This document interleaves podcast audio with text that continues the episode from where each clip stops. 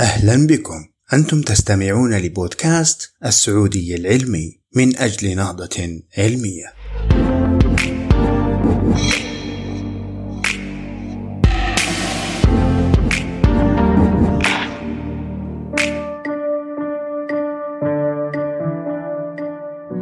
تمكن الباحثون من عكس أعراض السكري واسترجاع وظائف البنكرياس في الفئران. عبر وضعهم في نخسة لحمية تحاكي الصيام. ويقول العلماء أن الحمية الغذائية تقوم بخداع الجسم بوضعه في حالة الصيام لأيام قليلة في الشهر حتى لو تم تناول طعام اختير بعناية.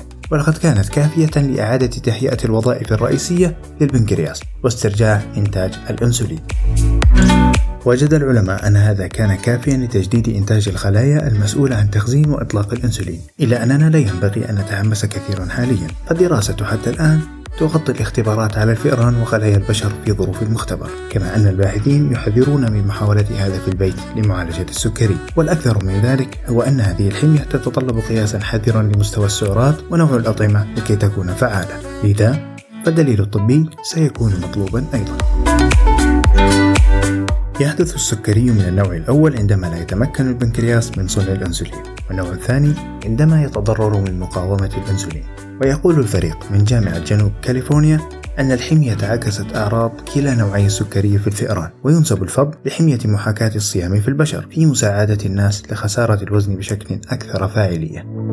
كما أن الدراسات السابقة ربطتها أيضا بالحد من عوامل خطر لأمراض كأمراض القلب والسرطان كما أن هذه الحمية تعمل على الحد من أعراض التصلب المتعدد أو التصلب اللويحي لذلك فإنها تكتسب سمعة بين العلماء حيث يبدو أن الجسم يعيد إنتاج الخلايا السليمة في كل حالة تجويع ولقد وضعت الفئران في حالة صيام اصطناعية لأربعة أيام في الأسبوع وعلى مدى عدة أشهر في الدراسة الأخيرة.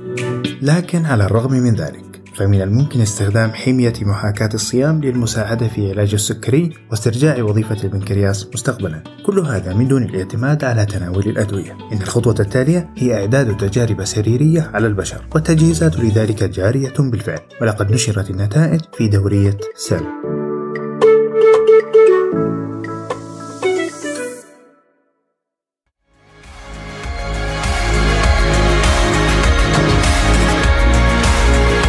كنت معكم عبد الله رضا من مجموعة السعودية العلمية.